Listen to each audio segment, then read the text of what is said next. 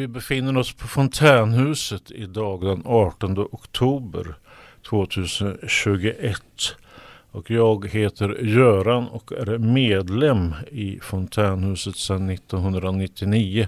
Och vi har fått besök här på Fontänhuset med en representant från European Anti-Poverty Network, Johannes Jörgensen.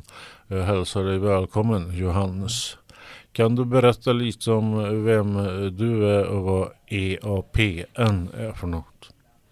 EAPN är en eh, e EU-organisation som eh, har som uppgift att eh, lobba för att motverka fattigdom och utslagning i Europa. Det är Europeiska kommissionen som har gett organisationen det uppdraget. Och eh, EAPN jobbar på EU-nivå och sen på riksnivå och eh, sen också regionalt och lokalt. Och eh, finns i så gott som alla EU-länder plus Norge och ett antal andra som är sådana här associerade. Mm. Och eh, en av EAPNs eh, e eh, viktigaste uppgifter det är då att ordna dialogmöten mellan fattiga människor och politiker. Och det görs eh, varje år på EU-nivå och eh, de senaste åren också på nationell nivå i Sverige. Och vi drömmer om att köra igång lokala och regionala sådana här dialogmöten. Mm. Där människor i fattigdom och utsatthet möter politiker. Du tror på själva mötet? Ja, det är... EAPN har ju hållit på i många år och lobbar i Bryssel. Och eh, jag vet inte om han har åstadkommit någonting. Men det man har åstadkommit är möten mellan människor. Som eh, är en bristvara kanske hos många politiker. Just att möta människor som lever i, i, har stora svårigheter i sina liv och är marginaliserade i samhället. Eh, och det gör man genom, genom de här mötena och det, eh, det, eh, det handlar mycket om känslor också.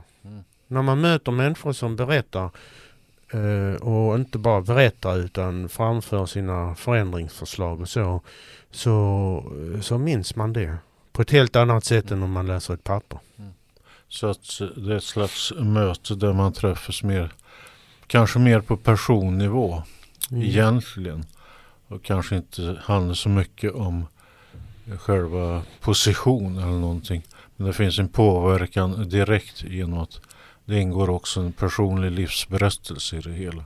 Ja, och, och inte bara att man att beslutsfattare åker ut och klappar Nisse på huvudet och säger hur har du det lille Nisse och sen så gråter man tillsammans en skvätt. Utan här har Nisse förberett sig. Gjort en analys av sina problem och kommit med lösningsförslag. Och det är mycket mer proffsigt så att säga. Jag kan själv uppleva som ja, jag har levt i utsatthet att det kan vara bra också att bli tilldelad en egen röst själv i mm. det hela. Ja. Att höra mig, att inte hela tiden ska stå i beroendeställning till olika saker. Mm. Men jag arbetar inte med former av välgörenhet eller dela ut kläder och sånt där, det har jag förstått. Nej, det handlar om rättigheter. Mm. Och det handlar om, för mig är det grundläggande fråga om demokrati. Mm. Uh, och sen så tycker jag, i min uppfattning om demokrati, att vi ska se på helheten utifrån de människor som är utslagna, utanför och marginaliserade. Mm. Det är deras perspektiv som jag anser uh, gäller mm. på helheten. Om det ska bli något solidariskt samhälle och en verklig demokrati. Mm. Det var ett tema igår att leva tillsammans. Men ett samhälle kan ju också bli utestängande och exkluderande mot människor. Och det här med demokratifrågor har jag varit intresserad av under lång tid och når man inte just specifikt de här människorna med det stöd de ska ha så blir det ju komplikationer i det hela. Mm. Och var, varje människa har sin livsberättelse. Men det säger en hel del också att lyssna på människor som har befunnit sig i de här situationerna om så kallad demokrati. Kan du utveckla lite grann det här tänket om demokrati i det hela? Ja, det beror på vad man själv anser vara demokrati. Mm. Uh, jag, jag, anser det att uh, uh, ett kriterium för om vi har en demokrati eller inte, det är just eh, hur, på vilket sätt är människor i utsatthet och utanförskap med i samhället. Mm. Och, det, och det kan, till exempel om man tar en frivilligorganisation, som, det kan vara en brukarorganisation.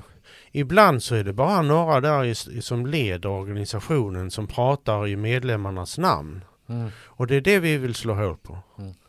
Eh, vi som jag, jag jobbar i Svenska kyrkan, alltså vårt, vårt uppdrag är att skapa möjligheter för människor att komma till tals, inte att tala för dem. Mm. För det har vi inget mandat för. Nej, nej. Och det blir helt fel. Men det kanske ligger mer eh, närmare sig en tanke om direkt demokrati och så vidare. Ja. Och det måste organiseras. Mm. Det är ju så. Mm. Det, och, det är inte, och det måste man göra tillsammans. Mm. För som individ har man ju ingen makt. Men om man går samman så Mm. Kan man ha det. Det är väl ett sätt att kunna väcka någon form av opinion i det Ja. hela. Och vad vi gör, alltså vi tar fram vad vi kallar motioner. Vi tar fram eh, eh, vi inbjuder människor att skriva ner sin livsberättelse. De som kan och orkar det. Och sen utifrån dem så eh, tar vi fram motioner där vi eh, beskriver problem, orsak, effekt, lösnings förändringsförslag och sen så en, en eh, personlig erfarenhet som har med det, just det problemet att göra. Det är sånt här material som vi tar fram. Jag kan säga till exempel eh, en människa som jag gjorde det med. Hon skrev åtta sidor om sitt liv och vi tog fram tio motioner. Mm. Bara ur hennes berättelse. Som liksom är allmängiltiga, som inte bara gäller henne personligen. Utan som är strukturfel. Eh, I det här arbetet så märker vi ju att, att det handlar inte i första hand, alltså bekämpa fattigdom handlar inte i första hand om mer pengar. Utan det handlar om att ändra strukturer som utestänger människor. Mm. Och på så sätt är det väldigt lätt och billigt. Det är frågan om varför man inte gör det. Jag kom i kontakt med en debattartikel igår i Dagens Nyheter. Det talas om ekonomisk och social fattigdom och 15,1 procent där framkom det av landets befolkning levde i relativ fattigdom med, lågt, med låg ekonomisk standard. De kallades i den här debattartikeln för de ohjälpta men det konstiga är att de har rättigheter i välfärdssystemet men det tillfaller dem inte. Mm.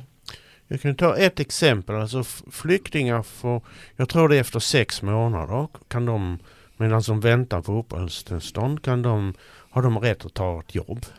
Men hur ska de ta ett jobb utan språk, utan samhällsintroduktion? Mm. Det är sådana här formella rättigheter som man liksom, de är helt orealistiska. Mm, mm. Det som är realistiskt är svartjobb.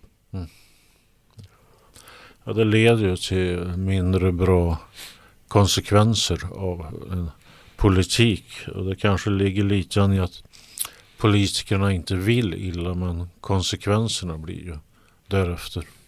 Ja, och en okunskap tror jag. Alltså Mm. de, om vi utgår från att politikerna vill väl så eh, måste de ju lyssna på offren så att säga, i samhället. Det är ju de som besitter kunskapen. Mm. Och det gör man alldeles för lite då. Ofta är det liksom politiska eh, partiintressen och sånt som styr eh, vilka frågor man tar upp och hur man definierar problem och resurser i, i samhället Mm. och så. Eh, till exempel flyktingar definieras som problem. Men de är ju en resurs. Jo, många har ju eh, gedigen... och det, det gäller samma med till exempel människor som kommer hit i fontänhuset. Mm. Man kan ju inte se på människor som problem. Då blir det ju helt fel. Ja, jag skrev själv min eh, livsberättelse och jag upptäckte att här finns det hur mycket motioner som helst att skriva. Och samtidigt så fick jag lite distans till det hela. Jag hoppas det kan bli successivt. Att det kanske inte är så mycket mina problem egentligen det avspeglar. Utan det faktiskt är samhälleliga problem.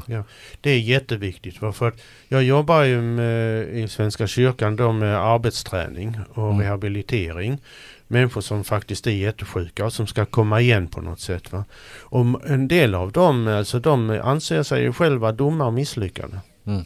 Och genom att jobba med det här, precis som du säger mm. nu va, så lyfter man av människor den bördan. Mm.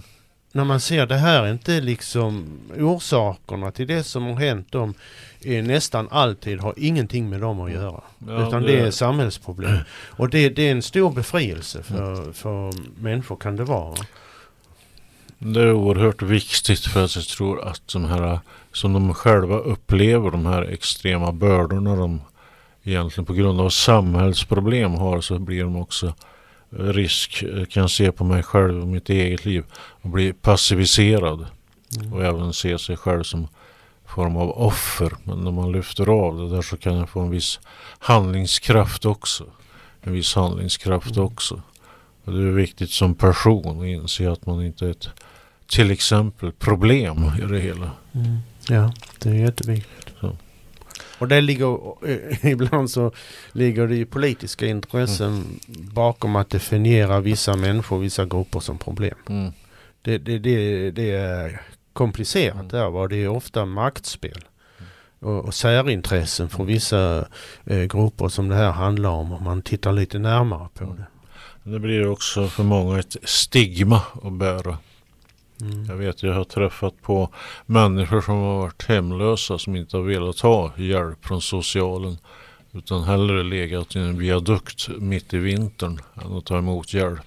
Ja. Så att det, det är sådana här strukturer som det, det handlar ju om heder och självkänsla. Ja, ja, som, ja, som, en, eh, som, man kämpar för att bevara mm. på något sätt.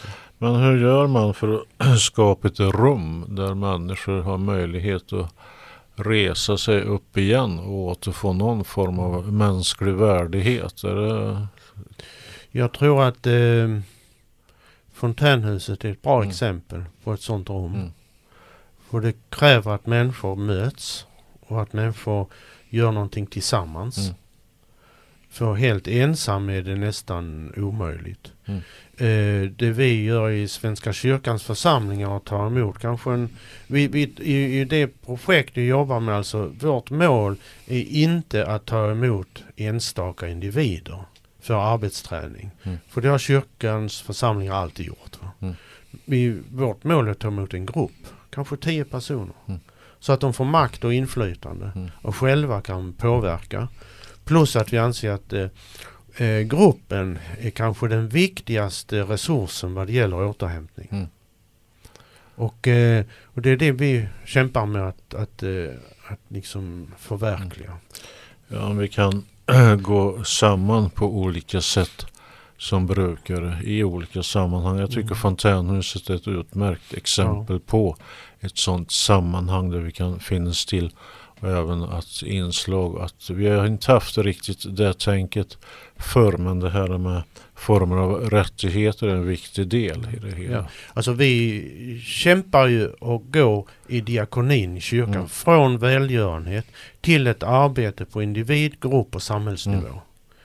Och det här med dialogmötena är då eh, vår modell som vi har utvecklat för just för samhällsnivån. Mm. Eh, och eh, för begränsar man sig till välgörenhet som också är en del i, i det hela men det kan inte bara vara det.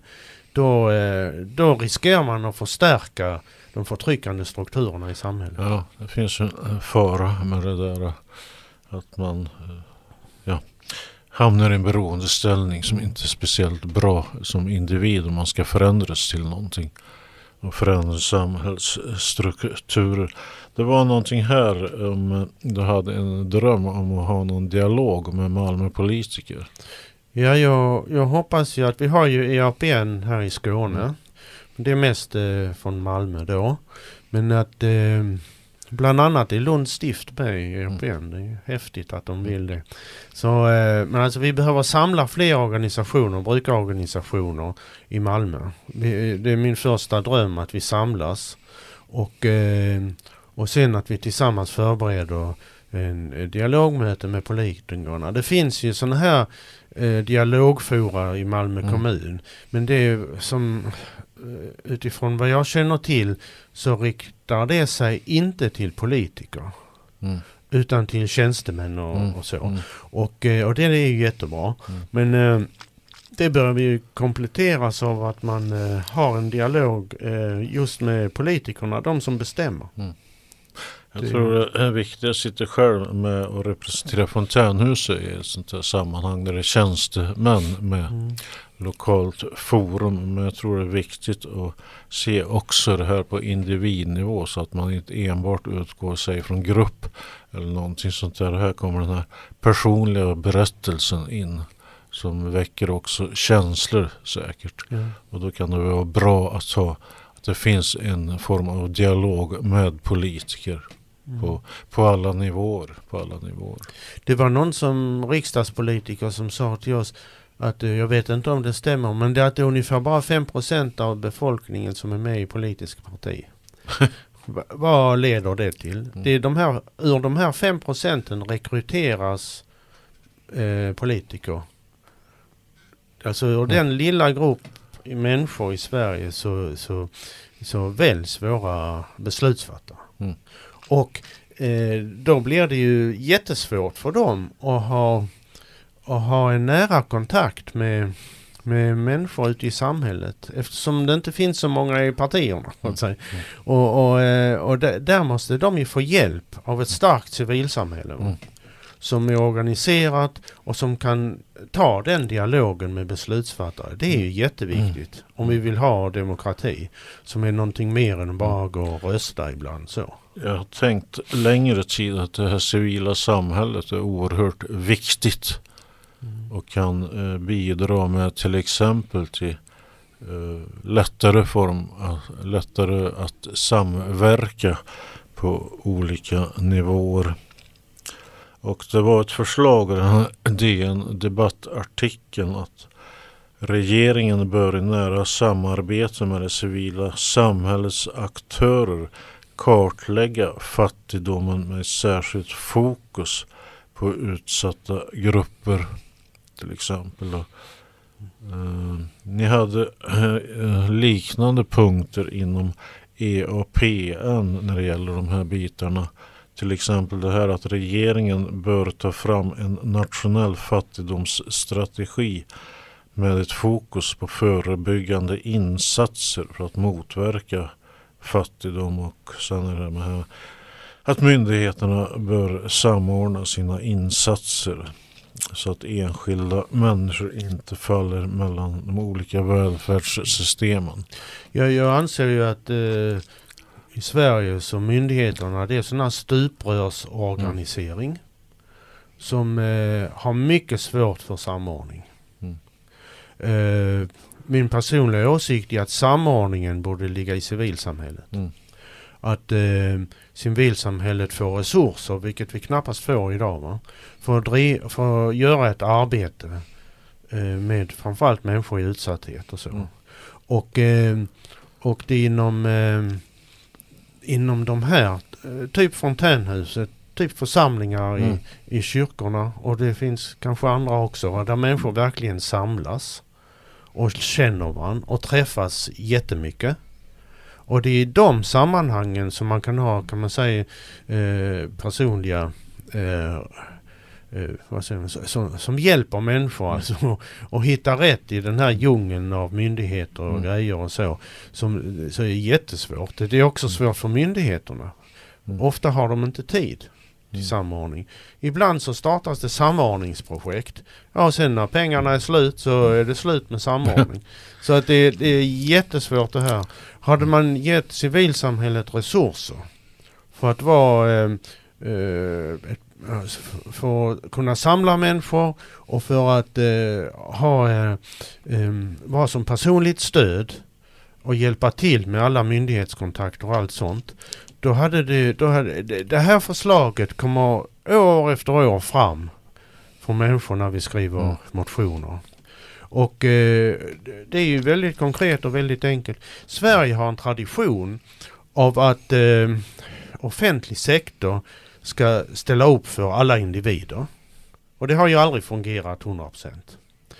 Andra länder jobbar via civilsamhällesorganisationer. Och nu, eh, eh, som det, trenden går nu, så är det offentlig sektor och företag som ska sköta det hela. Mm. Och eh, civilsamhällets organisationer får ständigt kämpa för sin överlevnad. Mm.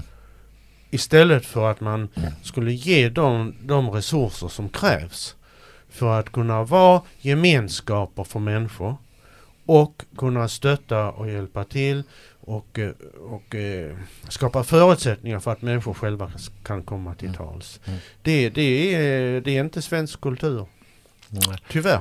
Det har väl varit så här i Sverige att vi har trott på staten så att säga. Ja. Att Mm. all, allting ska komma ovanifrån. Mm.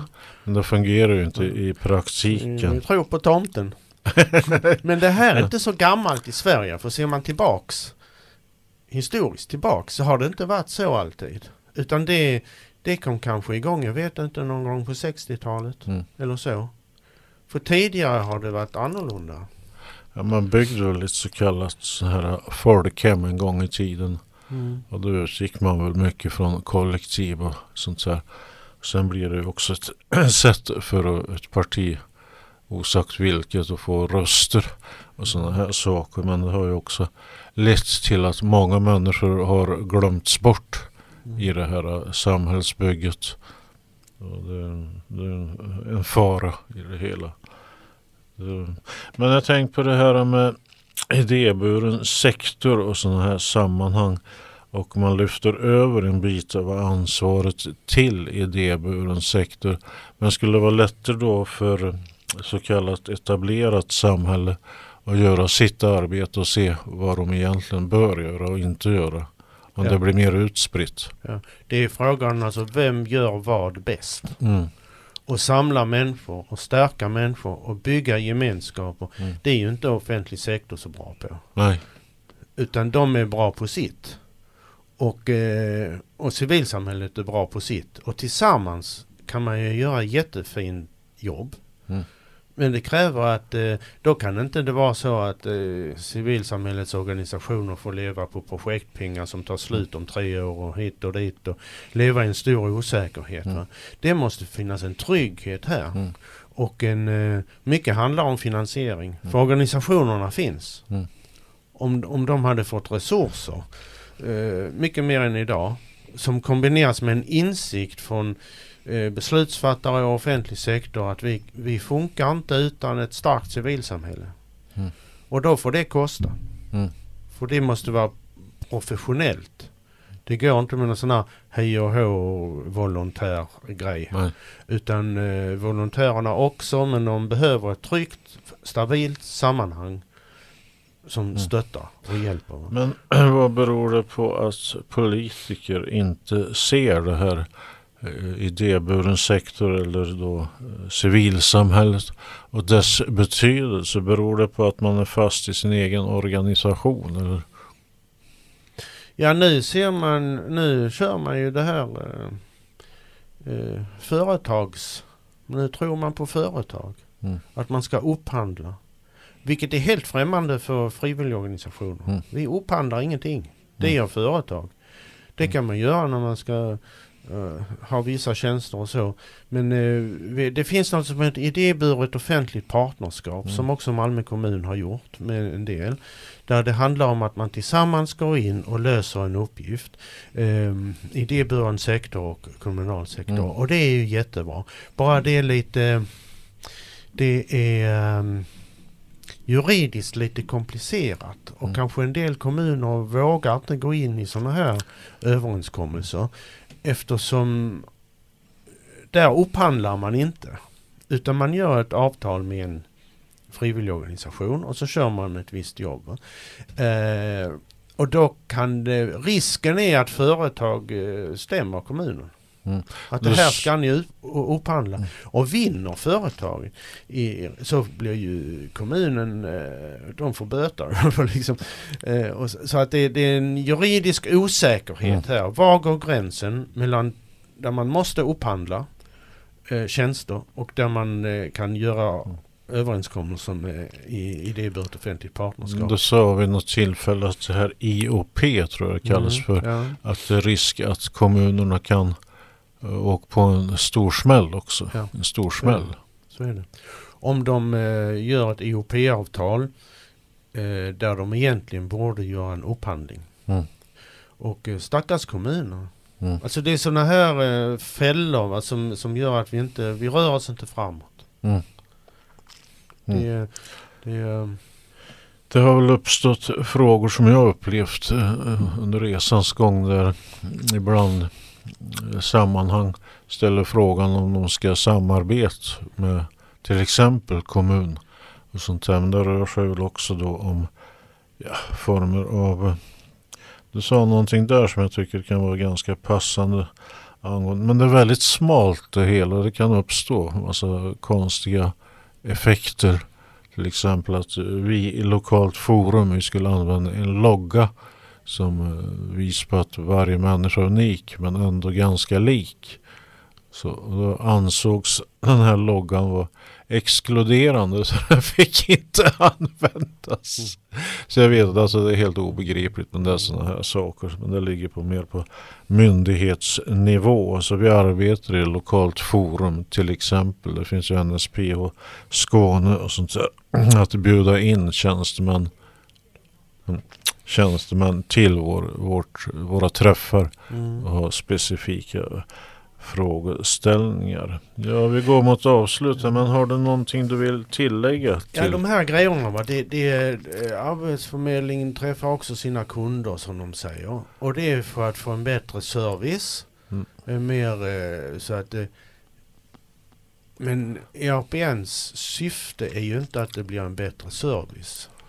En, ERPNs syfte är makt och inflytande för människor i utanförskap. Mm. Och det är målsättningen. Det, det, jag tror det är viktigt att skilja på det. Va? Mm. Och eh, så att eh, att påverka politiken är ett mål i sig. Mm. Det handlar väl om frågor om egen makt och Mm. äga sin egen berättelse och så Ja. vidare. Så det är en lång resa att göra för många Ja. och kunna resa sig upp igen och få ett eh, människovärdigt liv. Så. Och när vi jobbar med, med eh, ta fram motioner och så.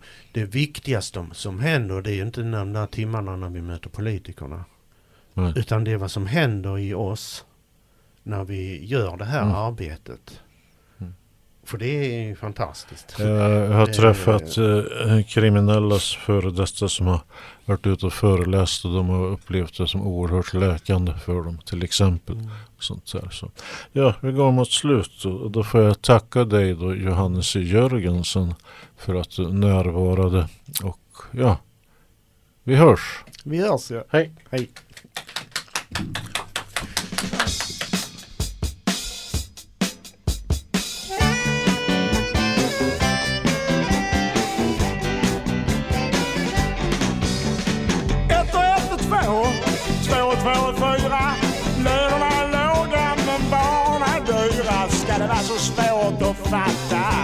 Det är falsk matematik?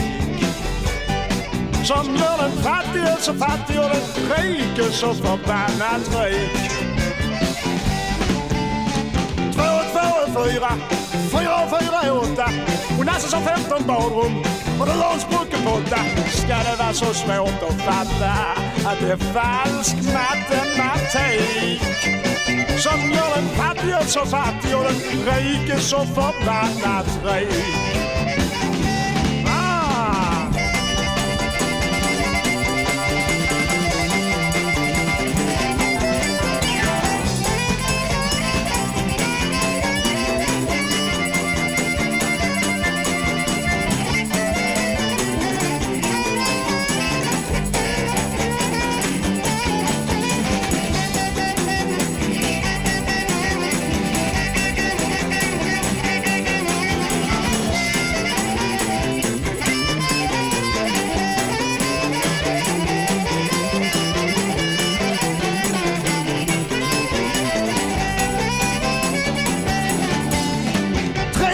Sex, sex och sex och tolv. Fru Wallenberg putsar naglarna och fru Svensson skurar golv. Ska det vara så svårt att fatta att det är falsk matematik? Ja, det. Som gör den fattige så fattig och den rike så förbannat rik. En sak till. Typ. Noll och noll är noll och noll, noll, noll, noll, noll. Var och en släpper slantarna så rullar de med så svårt att fatta att det är falsk matematik som gör den fattige så fattig och den rike så förbannat rik. Yeah!